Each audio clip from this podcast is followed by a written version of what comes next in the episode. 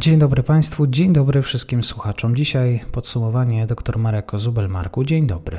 Witam Mateuszu, pozdrawiam serdecznie słuchaczy. Na gruncie dyplomatycznym wizyty Joe Bidena dzieje się dosyć sporo. Pytanie, czy dzieje się równie dużo na froncie, Marku? Y, jeżeli chodzi o działania wojenne, to owszem, dzieje się sporo, aczkolwiek y, nie zawsze idzie za tym jakaś y, większa zmiana frontu. Nawiasem mówiąc, takimi najbardziej zaognionymi odcinkami. E, są rzecz jasna odcinek bachmucko-siwerski, zaraz za nim jest e, odcinek e, doniecko-awdijski, no i koniec końców jeszcze toczą się dość intensywne walki na odcinku słowożańskim, czyli na pograniczu obwodów charkowskiego i łuchańskiego. Jeżeli chodzi o pozostałe odcinki, czyli hersoński, to tam w zasadzie częściej mamy do czynienia z wymianą ognia, od czasu do czasu obie strony podejmują e, różnego rodzaju działania zaczepne, głównie z wykorzystaniem sił specjalnych. Jeżeli chodzi o e, odcinek zaporowski, to tam się toczą walki o e, dość niskiej intensywności, częściej dochodzi do ostrzałów artyleryjskich, a wszelkie uderzenia, no głównie wykonywane przez stronę rosyjską, mają bardziej charakter rozpoznania bojem, E, lub są to bardzo płytkie ataki mające na celu e, przesunięcie e, pozycji na ziemi niczyjej, a nie tyle przesunięcie o jakiś teren kontrolowany przez stronę ukraińską. No ale wróćmy do miejsc, gdzie toczą się takie najbardziej intensywne walki, gdzie faktycznie najwięcej się dzieje. No jest to po prostu niezmiennie, jeżeli chodzi o ostatnie miesiące, czyli Bachmut. Najciężej sytuacja wygląda na północ od tego miasta, e, tam gdzie e, do Bachmutu dojeżdża droga, dochodzi droga M03 prowadząca ze Słowiańska. E, można powiedzieć, że w zasadzie jest ona przycięta przy do Bachmutu. E, tam toczą się intensywne walki. Rosjanie próbują zająć e, dwie wsie, Berchiwka i położone zaraz przy samym Bachmucie Jachidne. Obie wsie są położone na południe od szosy M03. E, no i Rosjanie też próbują zająć teren pomiędzy obiema miejscowościami i w ten sposób obejść właśnie lewą flankę y, obrońców Bachmutu, czyli no, tą flankę, która znajduje się w północnej części miasta. E, trzeba też podkreślić jedną rzecz. E, Rosjanie w tym samym czasie atakują również i teren zabudowany Bachmutu. Otóż starają się oni wypchnąć oddziały ukraińskie z wschodniego brzegu wschodniej części miasta, bo trzeba tutaj podkreślić, że Bachmut jest y, podzielony przez y, rzekę Bachmutkę. I Ukraińcy nadal bronią się również na y, wschodnim brzegu tej rzeki. Tam znajduje się głównie teren zabudowany z takich osiedli domków jednorodzinnych. I w zasadzie w wyniku ostrzałów artyleryjskich, intensywnych walk, to te zabudowania ulegają dość szybko zniszczeniu. E, przez co no, Ukraińcy za bardzo nie mają się na dłuższą metę, gdzie tam oprzeć. E, budynków dużych i solidnych, takich jak bloki, e, jest tam dość niewiele, za mało, także no niewykluczone, że przy intensywnym nacisku i zarazem obchodzeniu Bachmutu od północy, konkretnie północnego zachodu, nie można wykluczyć, że za jakiś czas Ukraińcy będą zmuszeni wycofać się e, za Bachmutkę i bronić pozostałej części miasta. No to będzie jakieś mniej więcej e, dwie trzecie terenu zabudowanego Bachmutu. Jeżeli jednak chodzi o walki na południu e, miasta, o tą część, która graniczy ze wsią Opytne, to tutaj Ukraińcom idzie dość dobrze. Utrzymują swoje pozycje w ciągu ostatnich kilku dni Udało się im nawet odbić e, część terenu zabudowanego, który wcześniej zdobyli Rosjanie. E, dosyć dobrze też wygląda sytuacja na południowy zachód od Bachmutu, e, czyli tam, gdzie do miasta dojeżdża szosa z Konstantyniwki.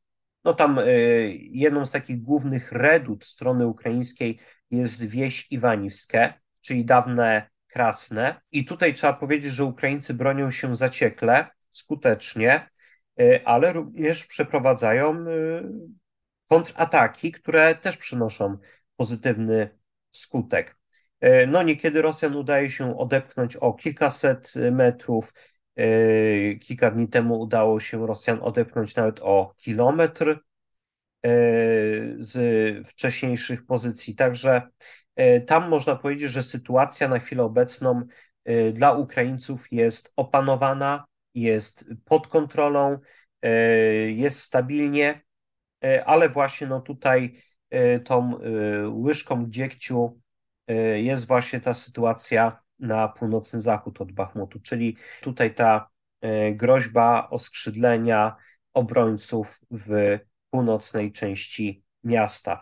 No jeżeli Ukraińcy planują jednak mimo wszystko utrzymanie Bachmutu, to prawdopodobnie użyją jakichś rezerw do tego, aby odepchnąć Rosjan yy, od szosy M03. Być może nawet yy, Ukraińcy mogliby zorganizować większą akcję polegającą na yy, wyrównaniu linii frontu wzdłuż rzeczki Bachmutka. No ale na razie jeszcze Ukraińcy starają się widać oszczędzać y, większość swoich sił. Także sytuacja zostaje, pozostaje jeszcze trochę napięta, aczkolwiek y, w oczy rzucają się y, również dość spore problemy Rosjan na tym odcinku. Chodzi głównie o bardzo ciężkie straty ponoszone przez najeźdźców, a głównie przez prywatną kompanię wojskową Wagner. Na dodatek bardzo zauważalne i w ogóle nieukrywane są y, również konflikty pomiędzy y, regularnymi oddziałami Sił Zbrojnych Federacji Rosyjskiej, a szczególnie WDW, czyli formacji elitarnych, a Wagnerowcami. To jest bardzo ciekawe. Y, I tutaj myślę, że znany jest już słuchaczom podróży bez paszportu wątek z niedostatkiem amunicji artyleryjskiej w rękach najemników i niedawno wybuchły pomiędzy właśnie Wagnerowcami a e, regularnymi siłami rosyjskimi spory na tym tle. E, Wagnerowcy nagle stwierdzili, że uwaga, uwaga, są rzucani na rzeź, na pewną śmierć, ale co ciekawe, nie chodzi im o to, e, jaką taktykę stosuje ich prywatna kompania wojskowa, tylko mają po prostu żal do ministra Siergieja Szojgu o to, że ten blokuje dostawy amunicji dla nich. No to jest taka właśnie ciekawostka.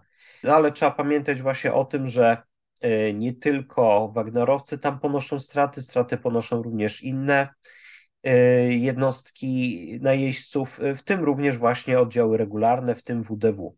I tak się też składa, że Rosjanom po prostu może naprawdę brakować amunicji całej masy różnych powodów. Niewykluczone, że to też właśnie spowodowało taką sytuację, że Wagnerowcy nie otrzymują amunicji artyleryjskiej dla y, własnych oddziałów. Także są one pozbawione wsparcia i przez to y, mają jeszcze bardziej ograniczone zdolności bojowe.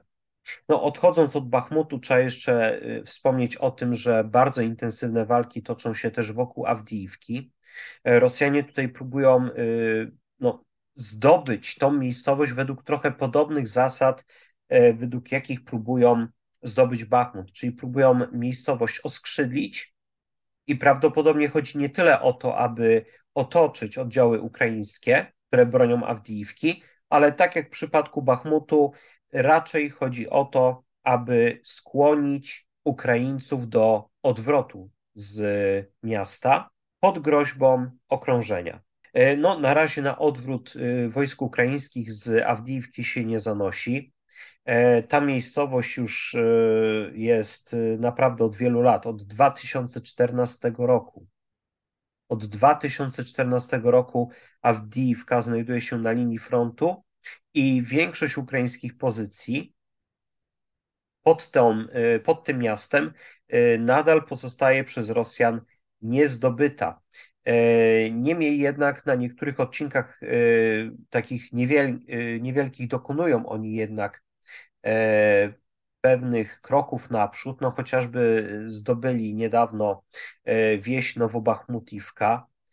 Jeżeli chodzi o Marinkę, no to tutaj sytuacja strony ukraińskiej też jest ciężka, bo miejscowość jest zrujnowana, także niestety, ale też rysuje się pewna perspektywa jej utraty, przez to, że ciężko jest znaleźć miejsca, w których można byłoby oprzeć swoją obronę, stworzyć taką solidną obronę. No a jeżeli chodzi o Wuhłedar, to tutaj można powiedzieć, że sytuacja dla strony ukraińskiej jest stabilna, no a dla Rosjan Wuhłedar no, raczej przejdzie do historii jako miejsce tak zwanej miasoróbki, czyli maszynki do mielenia mięsa. Dziękuję. Doktor Marek Kozubel dzisiaj w podsumowaniu. Marku, bardzo dziękuję za spotkanie, za wiedzę i do usłyszenia. Ja również dziękuję, pozdrawiam serdecznie, do usłyszenia.